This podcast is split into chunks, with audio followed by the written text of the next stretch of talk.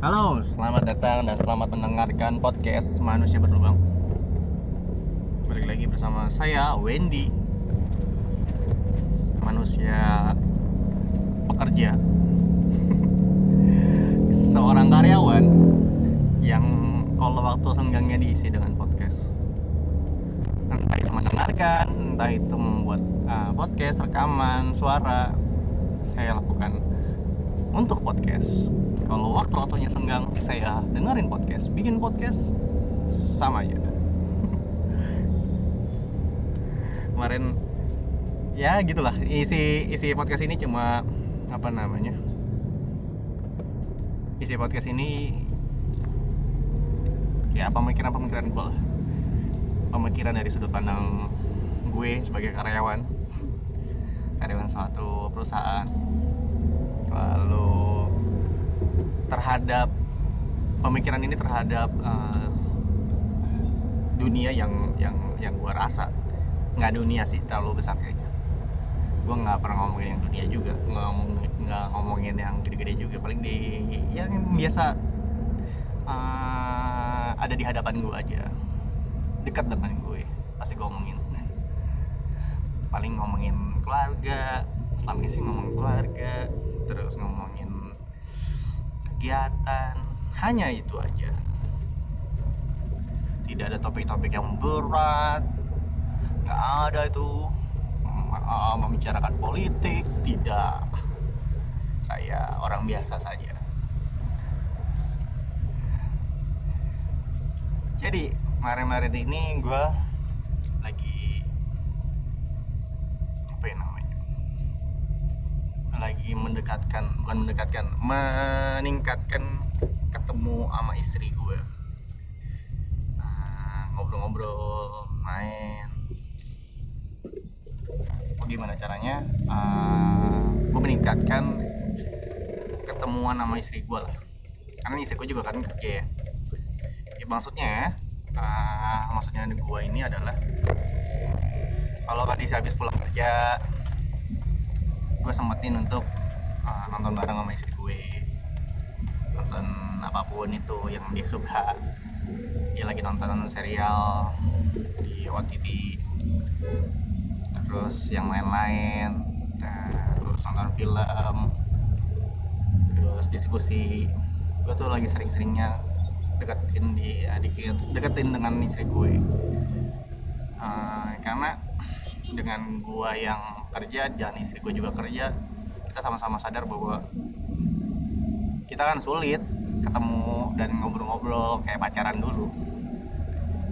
Dan gua ngerasa uh, kemarin-kemarin tuh uh, cukup cukup sibuk istri gue sibuk gue juga sibuk. Jadi jarang tuh kalau sebelum tidur tuh jarang ngobrol. Ngobrol seperlunya doang itu nggak sehat sih menurut gue. Dulu kan pacaran banyak banget yang bisa dibicarakan gitu kan karena uh, yang nama pacaran waktunya kan difokusin untuk berduaan gitu kan. Tapi kan udah pas udah rumah tangga udah satu atap malah sulit. Malah sulit kegiatan banyak. Nah gue rasa yaudah deh gue mulai untuk uh, banyak ngobrol banyak makan di luar terus biar ada omro, uh, obrolan tuh kan. Biar nggak main HP terus. HP tuh kayaknya toxic banget. Kalau udah megang HP masih masih megang HP udah udah sulit deh. Yang gua rasa gitu kalau gua sama istri gua. Cuma uh, sekarang lagi dibangun lagi untuk uh, komunikasinya. Biar dekat lagi biar kayak pacaran dulu. Kemarin gua mau uh, ngajak istri gua apa namanya makan. Yang dia suka. Dia dia suka banget ramen. Ramen daging sapi. Yang menurut gue sapinya kayak rendang. Dikasih mie udah kayak gitu. Tapi enak sih memang enak ramen. Jadi udah gue putusin kemarin jalan-jalan aja sama kita sama istri gue makan habis makan belanja jadi banyak waktu berdua dan banyak waktu untuk ngobrol sana sini ngalur ngidul dan gue menyenang dia senang karena kita juga uh, dia cukup cukup kangen juga ternyata untuk hal kayak gitu. Ya salah gue juga kayaknya sih memang tidak memperhatikan detail ya. Padahal dia pengen banget tapi gue malah sulit juga. Ya sama-sama sulit lah. Ngertiin aja. Jadi kalau udah punya waktu kalau udah punya waktu untuk kedua luangkan lagi terus gara-gara uh, istri gue kan suka sosial media juga ya. Salah satunya TikTok. Nah, dia bukan dia jarang sih menjadi pelaku. Mungkin jadi pelaku ya. Maksudnya pelaku adalah penggiatnya lah. Jadi bikin-bikin uh, uh, konten di TikTok gitu kan. Beberapa ada postingannya dia uh, dan menurut gua ya gak jadi masalah. Bebas-bebas aja gua cuma TikTok itu uh, terasa positif di gua karena ada beberapa hal yang nggak uh, gua tahu. Akhirnya gua tahu lewat TikTok. TikToknya dari TikToknya uh, istri gua. Jadi kemarin gue bingung ya. Hari Sabtu uh, mesin cuci gue agak agak macet pengeluaran airnya. Jadi airnya nggak keluar dengan maksimal soal air pembuangan ya air pembuangannya tidak mau keluar maksimal sehingga gue, gue mikir ah ini kayaknya ada yang nyangkut nih. Nah, entah ada biasanya ada koin di di mesin cuci mungkin dari celana baju yang koinnya uh, ketinggalan gitu kan di celana dan baju terus dicuci malah keluar dan uh, dan apa namanya uh, nyumbat pengeluaran air kotornya. Udah gua gua akalin kan gua perbaiki ternyata masih susah masih mampet. Terus istri gue bilang oh di bagian sini ada saringannya loh. Oh iya? Gue baru tahu kan? Jadi ada di uh, kan kalau gua mesin cucinya yang dua. Apa sih namanya? Dua ruang tuh ya. Kan ada yang mesin satu yang satu ruang ada yang dua ruang. Pengering dan uh, pengering dan pencucinya itu berbeda ruang gitu kan. Jadi ada dua ruang. Nah di ruang mencuci di mesin cuci itu uh, ada saringan ternyata. Dan gue nggak tahu tuh ternyata itu saringan. Bisa dibuka cara bukanya seperti apa? Gue nggak tahu. Si istri gue yang ngasih tahu di cara bukanya seperti ini. Sini ada saringan dibersihin mudah-mudahan lebih baik. Nah saat gue dikasih tahu instruksi dari istri gue terus uh, ngikutin instruksinya istri gue. Akhirnya gue tahu padahal yang biasa ngulik-ngulik uh, alat-alat gitu tuh biasanya gue ngulik-ngulik. Ini istri gue tahu duluan gitu kan. Jarang-jarang. Dia bilang dia tahu dari TikTok ada yang nge-share konten mesin cuci. Dari situ gue bilang wow. Sungguh edukatif banget ya TikTok uh, mungkin kemasannya menarik sehingga istri gue jadi mantengin mantengin nonton TikToknya gitu kan. Kalau instruksi uh, pembersihan saringan mesin cuci gue rasa di YouTube juga ada tapi kan mungkin tampilannya tidak kemasannya tidak semenarik TikTok ya. Gue juga nggak lihat sih ya kontennya seperti apa. Cuma kan saat instruksi eh, saat istri gue memberikan instruksi untuk membersihkan sana sini sana sini itu tahunya dari TikTok gue cukup terkejut sih. Biasanya jarang ngulik dia. Dia jarang ngulik-ngulik alat-alat gitu kan. Biasanya ngulik-ngulik tuh uh, ngulik-ngulik alat tuh gue di rumah. Terus ada lagi. Uh, dia ngasih tahu ke gue istri gue ngasih tahu ada fungsi lain pada uh, spasi di keyboard uh, keyboard apa namanya keyboard di handphone. Di key, uh, keyboard handphone kan ada spasinya tuh. Selain gunanya untuk memberikan spasi pada kata-kata saat berkalimat ngeteks atau bikin uh, apa namanya dia bikin kata-kata di SMS atau WA spasi spasi itu ternyata bisa dipakai bisa berfungsi untuk uh, menggerakkan kursor yang ada di uh, paragraf untuk mengetik di apa namanya di handphone. Jadi bisa digeser-geser tuh. Gunanya spasi itu gitu juga. Kira dapat tahu dari mana? Atau istri gue tahu dari mana? Dari TikTok. Sungguh edukatif mantap.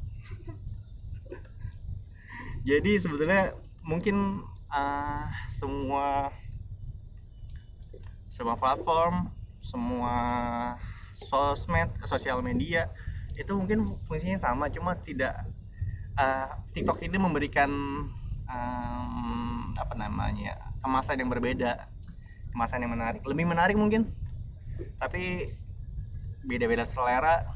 Kalau menurut gue sekarang hmm, TikTok Instagram Facebook Twitter apalagi?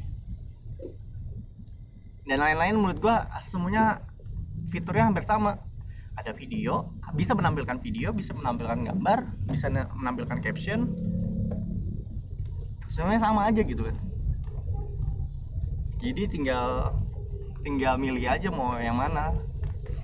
Kalau gue sendiri pribadi lebih suka Instagram karena lebih fun aja bisa ngelihat bisa ngelihat gambar dan tampilannya lebih fun aja menurut gue. Bisa ngeliat yang lucu-lucu. Jadi fun gitu kan kalau TikTok gue belum nyoba karena TikTok itu uh, eh, gue nggak bisa bisa benar bisa salah tapi gue ngeliat TikTok itu adalah um, do, dominan untuk menampilkan joget-joget dan lagu-lagu. Mungkin gue bukan orang yang suka ngeliat orang joget-joget mungkin gue juga nggak suka joget-joget terus apa-apa dibikin lagu. Masih ada lagunya gitu. Ada ada backsound backsongnya jadi kalau mau bikin video apa tak tahu ada lagu yang mengiringi. Eh, dan itu nggak apa-apa menurut gue. Gue nggak jadi masalah cuma gue nggak terlalu suka di situ. Selera ya. Ada orang yang suka ngelihat orang joget-joget ada yang ngelihat uh, apa dengerin uh, lihat video pakai back song back song yang cukup menarik itu beda-beda selera sih. Kalau gue sih enggak. Yang berbeda menurut gue TikTok itu ya gitu. Uh, ada filter kali ya yang membuat beda uh, dengan apa namanya sosial media yang lain. Mungkin emang generasi generasi hmm, generasi Z yang dia bilangnya ya. Sama mungkin gue juga sama. Masuk situ juga cuma nggak semua generasi itu di dipukul rata kan semuanya suka yang yang menari menari yang yang joget joget nggak nggak semua kayak gitu. Cuma gue bagian orang yang sedikit kali ya. Yang suka joget tapi nggak semua yang muda-muda kok. Banyak juga yang bapak-bapak ibu-ibu yang suka banget joget-joget. Dan mereka senang-senang aja. Mungkin emang suasananya lagi ngetren kayak gitu gue aja nggak bawa nggak ngikutin tren. Kalau gue nggak pernah emang nggak pernah ngikutin tren sih. Dari dari fashion dari gaya dari gaya-gaya bicara kadang-kadang gue ngikutin uh, tren. Gue ngikutin apa yang gue suka aja. Dari dulu kayak gitu sih.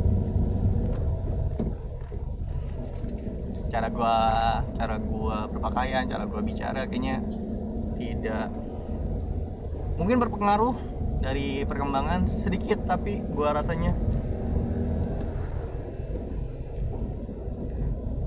mudah-mudahan menjadi eh, mudah-mudahan per, perkembangan cara gue berbicara dan berpakaian uh, cenderung lebih positif mudah-mudahan.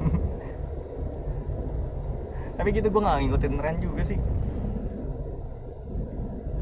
Istri gue salah satu orang yang suka ngikutin tren. Maksudnya lagi ngikutin ya tidak menjadi pelaku bisa jadi cuma ngikutin aja uh, informasinya.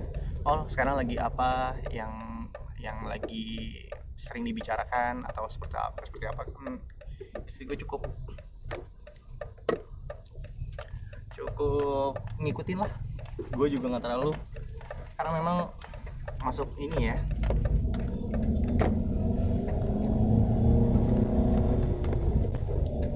Masuk ya maksudnya gue istri gue ini sering ikutin tren guanya kagak mungkin karena masuk bubble bias uh, atau apa namanya gelembung bias ya.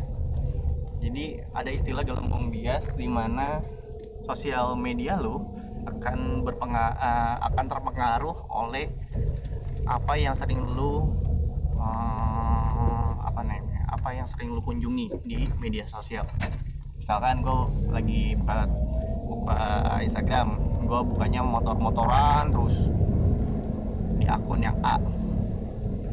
Besoknya di akun yang B akan uh, muncul tuh di Instagram gue di timeline gue tanpa gue harus ngeklik. Tanpa harus gue kunjungi karena memang algoritma sosial media seperti itu. Jadi menyediakan konten-konten yang uh, berkaitan dengan apa yang lu sering kunjungi? Kunjunginya misalkan yang yang yang yang lu pengen yang lu minatin. Misalkan kayak gua motor misalkan.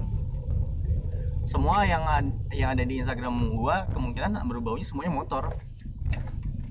Kendati pun kalau lu nggak suka sesuatu tapi lu kunjungin itu akan ada terus. Lu nggak suka tapi lu kunjungin terus tuh. Itu akan membuat konten yang eh algoritma uh, sosial media akan membuat lo menerima terus konten-konten yang sering lo kunjungin walaupun lo nggak suka. Makanya saring-saring lah. Atau lo biasakan menerima uh, apa namanya menerima akun-akun yang akun-akun yang sifatnya uh, general kayak berita detik detik.com kompas. Mereka kan menyediakan semua berita yang ada di Indonesia dan dunia kan? Jadi lebih apa namanya lebih general. Lu tidak tidak ke kanan banget nggak ke kiri banget tapi di tengah-tengah. Karena ada media yang memberikan informasi secara general. Kalau lo ngikutin akun gosip ya algoritmanya akan memberikan lo menyediakan lo hal-hal yang berbau gosip selebriti atau semacamnya. Nah itu gelombang bias. Eh gelembung bias. Akan mempengaruhi lo nah mungkin gelembung bias gua nggak uh, gua nggak masuk gelembung bias yang masuk tren-tren gitu kali ya. Jadi tren sekarang nggak terlalu ngikutin gue saat mungkin gue nggak ngikutin akun yang yang mendukung gue untuk memberikan itu apa tuh? Memberikan konten-konten yang uh, mendukung gue untuk ngikutin tren gitu kan.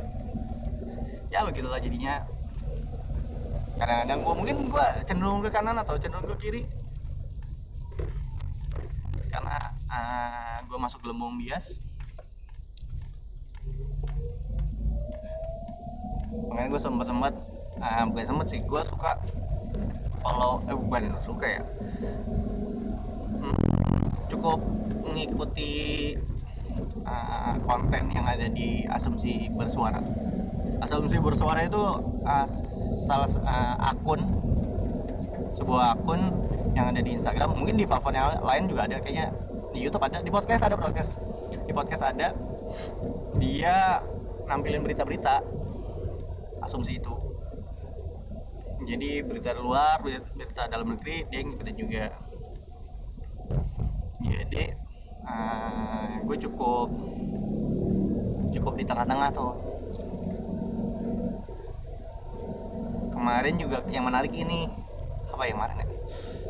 Yang dari asumsi ya. Katanya kan Tesla mau kerja sama di Indonesia. Yang mau uh, perusahaan yang mau kerja sama Tesla adalah Pertamina. Tesla kan mobil listrik apa gitu kan berkaitan sama listrik. Pertamina kan bahan bakar suatu mobil ya apa kendaraan mobil atau motor. Yang agak agak ini sih ya agak bertentangan gitu ya. Perusahaan yang sumber sumber dayanya listrik dari Tesla bekerja sama dengan Pertamina yang bahan bakarnya yang notabene pasti pakai bahan bakar minyak gitu. Gue nggak tahu tuh aduh duh, apa nih? Gue nggak tahu ntar ujung ujung ujungnya kayak gimana uh, kolaborasi dua perusahaan itu. Mudah-mudahan menjadi motor atau mobil listrik yang oke. Okay. karena gue karena gue ini juga cukup antusias ngikutin mobil atau motor listrik. Kemarin ada motor listrik yang uh, new new NIU harganya kurang lebih berapa ya, 15 juta apa 20 gitu. Cukup terjangkau cukup bisa bersaing sama motor-motor uh, apa ya gue sebutnya konvensional. Bahan bakar minyak ya itu cukup bersaing sama bahan bakar yang pakai bahan bakar minyak pakai BBM harganya segitu yang kita dapetin cukup banyak cukup pintar. Cukup pintar dalam arti fiturnya tuh di motor new itu uh, cukup membuat kita bisa beralih gitu beralih ke uh, motor listrik daripada motor uh, motor BBM gitu kan. Karena fiturnya mantep. Ada alarm uh, ada GPS yang cukup menarik sehingga uh, fiturnya tuh baru banget. Untuk sebuah motor dengan harga yang segitu. Terus kampanyenya pasti kan um, ramah lingkungan karena pakai baterai tidak pakai bahan bakar minyak. Terus diklaim bisa punya kecepatan berapa gitu kan kayaknya 60-an deh 60-an kilometer per jam. Nggak cukup nggak cukup kencang tapi cukup baik lah kalau buat di kota-kota gitu ya. Terus uh, ngecasnya ngecasnya berapa sih? 6 jam 8 jam lah. Tergantung dari uh, penyetelannya. Terus modelnya juga seru modelnya modern klasik menurut gua. Jadi dengan dengan headlamp yang bulat terus nggak terlalu apa namanya nggak terlalu klasik klasik banget. Cuma ada unsur sentuhan klasiknya gitu. Tapi modern banget kan dengan dengan fitur dan spek yang seperti itu pasti dia modern banget. Keren lah. Lampunya semuanya LED karena emang hemat hemat daya juga kan pakai LED terus apalagi yang dilihat ya? Dari ini sih yang pasti gue suka dari motor new. Itu dari uh, keunggulan baterainya lah. Tidak pakai BBM dan dihitung itu pasti irit banget tuh. Uh, sebulannya gitu hitungan hitungan per bulannya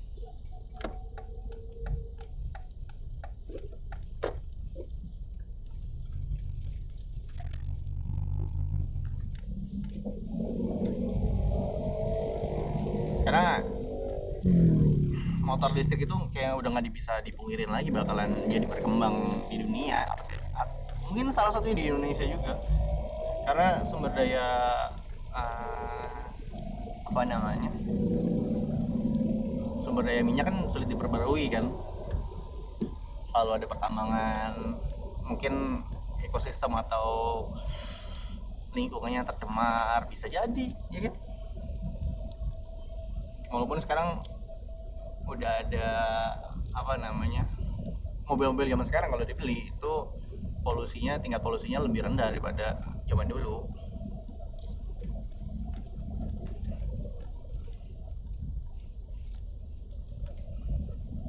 Jadi ada beberapa kalau di mobil-mobil zaman sekarang mungkin udah dilengkapi sensor-sensor pendukung untuk uh, lebih efektif dan efisien dalam bahan bakar sehingga polusinya lebih sedikit jadi lebih oke okay untuk uh, polusi. Tapi tetap aja polusi kan namanya bahan bakar. Ada polusinya lah ada CO2 nya dengan ada motor listrik mobil listrik itu bakalan bakalan gede sih.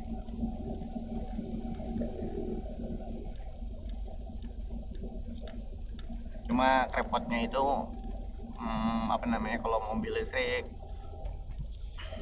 pengisian dayanya kan terbatas. Nggak tahu ya untuk di Bogor sudah selengkap kayak di Jakarta atau enggak.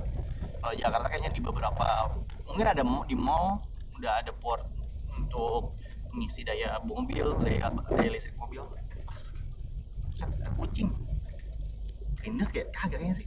Nabrak doang. Nah, mudah-mudahan mudah-mudahan nggak kenapa-napa tuh kucing tadi sampai mana ya? iya jadi port uh, uh, terminal ya apa sih? Pengisian lah pengisian listriknya dayanya untuk mobil-mobil atau motor mungkin masih terbatas. Jadi kalau di gua rasa juga belum ya belum ada yang buat umum ya buat pengisian listrik umum daya umum. Kalau di rumahnya mungkin bisa karena uh, apa namanya yang gue tahu ada penyetelan penyetelan khusus untuk pengisian di rumah pengisian listrik di pengisian listrik untuk mobil di rumah. Jadi ada apa namanya penambahan penambahan device buat uh, listrik rumah. Jadi dayanya lebih bagus untuk ke mobilnya dan juga nggak tidak merusak komponen-komponen listrik di rumah. Bisa jadi kayak gitu ya namanya teknologi terus berkembang kitanya yang ngikutin aja. Kayak kayak Henry Ford. Henry Ford itu yang nemuin Ford ya. Pokoknya yang bangun uh, pabrik Ford mobil Ford. Tapi dia juga yang membangun uh, pabrik pertama. Maksudnya mobil itu zaman dulu dikenal cuma yang punya tuh bangsawan doang orang-orang kaya. Karena tidak di uh, karena tidak diproduksi secara massal. Orang-orang umum orang-orang biasa uh, sulit untuk memiliki mobil gitu kan karena costnya terlalu besar gitu. Nah Henry Ford ini adalah orang pertama yang membuat pabrik mobil sehingga mobil mobil itu bisa di uh, diproduksi dengan banyak dan murah sehingga rakyat-rakyatnya bisa uh, bisa mampu beli gitu. Ford gitu. Nah mungkin aja. Ini kan uh, mobil mobil listrik motor listrik kan cenderung mahal ya. Mungkin produksinya udah udah lu udah banyak juga. Tapi kalau memang ada terobosan lagi harganya bisa bersaing dengan mobil dan motor yang sudah ada mobil motor yang BBM kalau bisa bersaing ke situ orang-orang pada bisa beli. Berarti kan udah ada perkembangan lagi tuh. Ada seorang Henry Ford uh, generasi baru. Waduh. Yang bisa mengembangkan teknologi listrik pada kendaraan dengan biaya murah dan ramah lingkungan tidak menimbulkan polusi. Buh keren. Henry Ford. Henry Ford generasi baru. Ya gitulah. Kemarin gue mau ngomong apa lagi ya?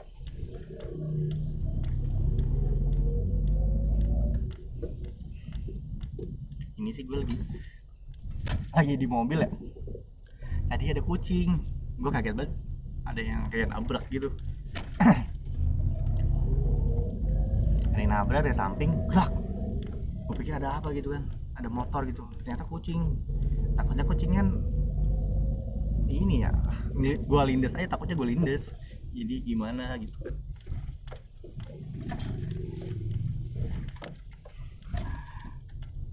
Takutnya kenapa-napa. Nggak kenapa-napa sih. Itu mitos mitos aja. Kan lu pernah dengar kan kalau lu lagi berkendara terus nabrak kucing kucingnya mati lu akan sial beberapa hari kan? Gak itu mitos bener apa enggak padahal kan kucing ya. Ya sama aja sama, sama oh, uh, makhluk hewan yang lain kan? Sama aja kayak anjing sama aja yang kayak ngabrak tikus kelindas tikus kelindas ular sama aja kan? Tapi kucing itu diistimewakan tuh kalau mati kalau dilindas uh, ngelindas kucing lu harus ngapain gitu kan ada ritual-ritual ya sehingga lu nggak sial. Nah ada gitu. Bisa bisa. Bisa kayak gitu. Ada mitos-mitos yang kayak gitu. Mitos yang sering dengar tuh jangan buka payung di dalam rumah. Jangan duduk atau berdiri di uh, depan pintu. Lah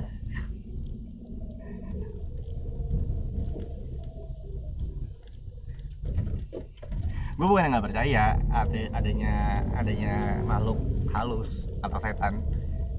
Cuma kalau mitos-mitos kayak gitu apa ya? Kayak pemikiran orang dulu tapi tidak bisa dibawa ke generasi kita sekarang dan diyakini sama generasi kita takutnya gitu. Padahal kan sebetulnya ada teori dan alasannya sendiri kenapa mereka melakukan hal seperti itu. Mungkin menurut gue gini misalkan lu nggak boleh nggak boleh uh, duduk atau diri di depan pintu takutnya ngalangin jalan. Itu kan alasan yang logis ya? Orang mau keluar masuk uh, rumah atau keluar masuk pintu itu susah kalau lu ada di depannya. Kan nggak usah pakai mitos-mitosan nanti begini nanti begitu. Terus nggak boleh buka payung di dalam rumah. Lah emang kenapa? Iya sempit. Menurut gua kayak gitu. Udah alasannya itu aja. Dibuka eh, payung yang dibuka di rumah kan jadi di dalam rumah kan jadi sempit ruangannya. Kalau ada bisa seperti apa bisa seperti apa yang nakut nakutin kita. Ibaratnya kayak zaman dulu tuh uh, orang tua zaman dulu tuh kayak nakut nakutin anaknya dengan hal yang menakutkan menurut anaknya. Kayak setan atau semacamnya. Sehingga uh, orang tua zaman dulu menurut gue menurut gue ya bisa aja gue salah. Eh, gue tidak mau ngambil pusing untuk menjelaskan logikanya seperti apa. Jadi mengaitkannya biar cepat nih ya biar cepat anaknya bisa biar nurut biar gampang nurut gitu kan. Takutin takut takutin aja dari eh, dari mengenai setan atau mitos-mitosnya. Udah gitu aja biar dia nurut. Walaupun nurutnya nggak tahu itu beneran atau enggak kayak kalau kalau cewek nyapu nggak bersih ntar cowoknya bewokan lu. Kayak monyet. Cewek zaman sekarang dikasih tahu begitu ya pada mau. Cowok bewokan. Enggak sih. Bewokan selera. Coba gitu kan nanti bewokan cowoknya ya, suami bewokan. Lah mana ada teori kayak gitu nggak nyapunya nggak bersih jadi cowoknya bewokan atau suaminya bewokan nggak ada teori kayak gitu. Itu teori yang dilakukan orang tua kita untuk nakut-nakutin anak kecil zaman dulu biar gampang biar cepet aja nggak usah ngejelasin. Sebetulnya ngejelasin gampang ya? Uh, nah ini nyapunya yang bersih ya. Kalau nyapunya nggak bersih ada kuman-kumannya. Nanti bikin bisa jadi penyakit ntar uh, dede nggak bisa sekolah gak kira sakit nggak ada kumannya. Kan gitu ya jelasin ya. Bukan karena nanti nanti suami kamu jadi bewokan lo jadi nyapunya yang bener ya gitu. Kan segampang itu makanya mungkin zaman dulu orang-orang zaman dulu nggak mau ngambil pusing menurut gue. Jadi mengaitkannya dengan hal yang cepat ya itu adalah mistis. Gue sih gitu. Mudah-mudahan sih ya itu kan teori gue ya. Bisa benar bisa salah. Bisa terima atau enggak? Selalu yang dengerin nih. Selalu. Mau kayak gimana? Bebas bebas. Oh ya kemarin juga ini ya uh, eh, gue pantengin YouTube ya biasa lah karena memang jarang jarang keluar keluar gue kalau udah istirahat hari minggu tuh pengennya di rumah aja. Kan terus gue mantengin YouTube ternyata ada kontennya uh, Panji Pragiwaksono. Dia bilang ah kontennya uh, judul judul judul videonya di YouTube cukup menarik menurut gue. Gue lagi ngerjain podcast terus ya. Terus dia bilang uh, dia uh, dia ngeluarin konten judulnya apa ya? berkaitan sama podcast ya? Bagaimana apa ini? Judulnya lupa gue Makanya berkaitan dengan podcast uh, inti dari videonya itu adalah bagaimana uh, bagaimana podcast lu bisa banyak didengerin sama orang.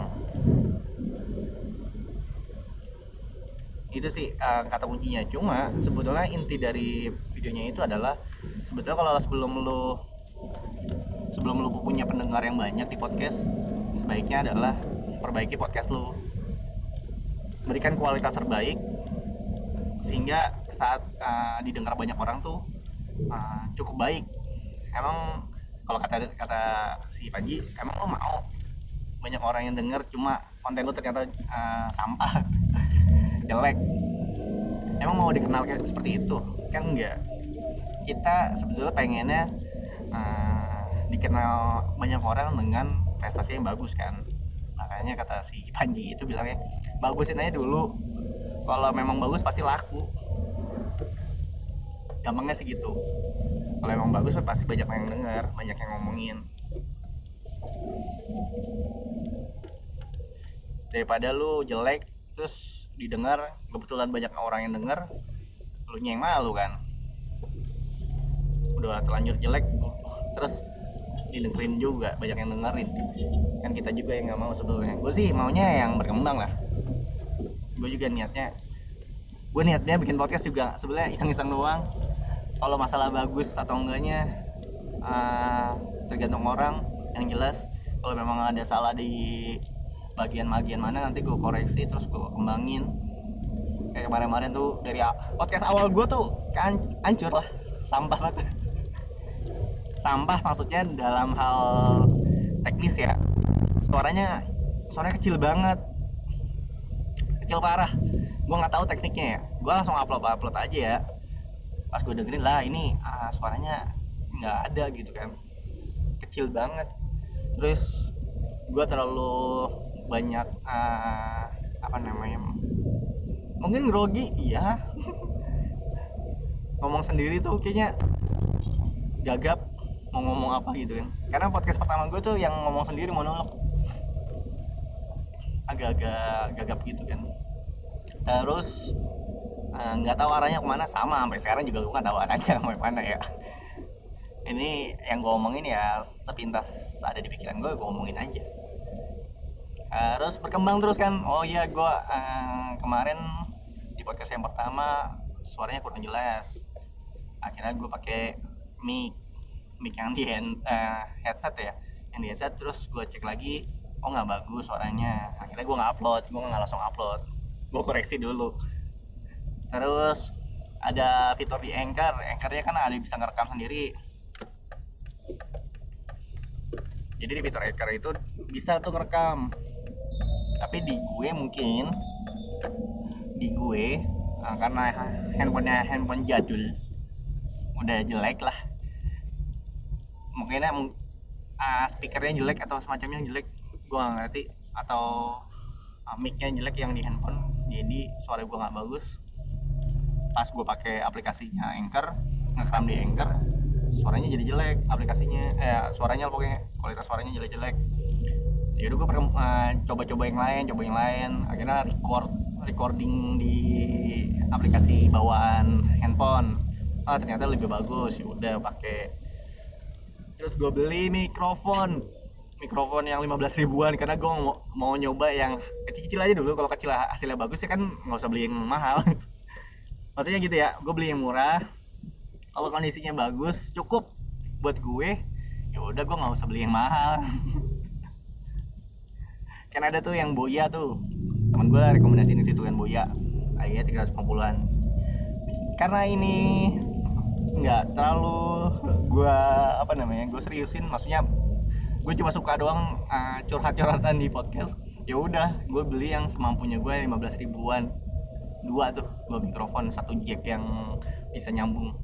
Gue pasang uh, rencananya biar lebih bagus suaranya kalau ngobrol sama ngobrol, ngobrol berdua sama temen gue. Nyatanya jelek banget. Akhirnya balik lagi ke mikrofon uh, handphone bawaan handphone yaudah sampai sekarang kayak gini. Ini aja gue ngerekam pakai handphone. Pakai Xiaomi 4X eh ini sih? 4X sih nggak salah. Xiaomi 4X begitulah Pagi Pak. Ya, ya Pak. Jalan Pak. Ya, 36 Pak. Alhamdulillah. Bro. Alhamdulillah, Bro.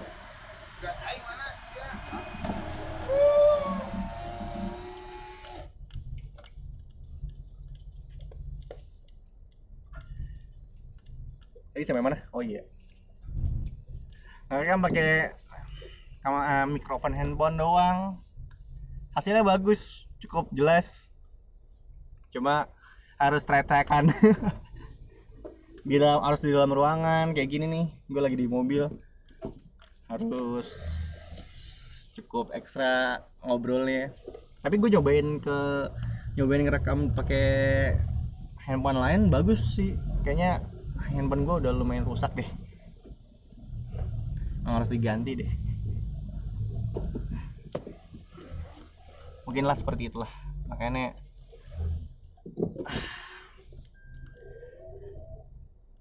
tapi gue kan memulai untuk yang gue memulai yang gue suka dari dari apa yang gue punya aja. Bukan yang gue harus punya toolsnya yang bagus dulu baru gue mulai. Gue nggak gitu sih. Mulai dulu aja. Kan juga nanti nyoba-nyoba nyoba-nyoba nyoba-nyoba. Hasilnya nanti insya Allah bagus. Mudah-mudahan bagus terus. Namanya berkembang dari hal yang jelek jadi hal yang menjadi lebih bagus. Oke. Gua udah nyampe ya. Nah, jadi nyampe kantor jadi gua tutup dulu. Mudah-mudahan bisa bermanfaat. Mudah-mudahan ini eh, ya bisa bermanfaat aja deh. Gua nggak minta lebih. Oke. Eh gua cabut dulu ya. Dadah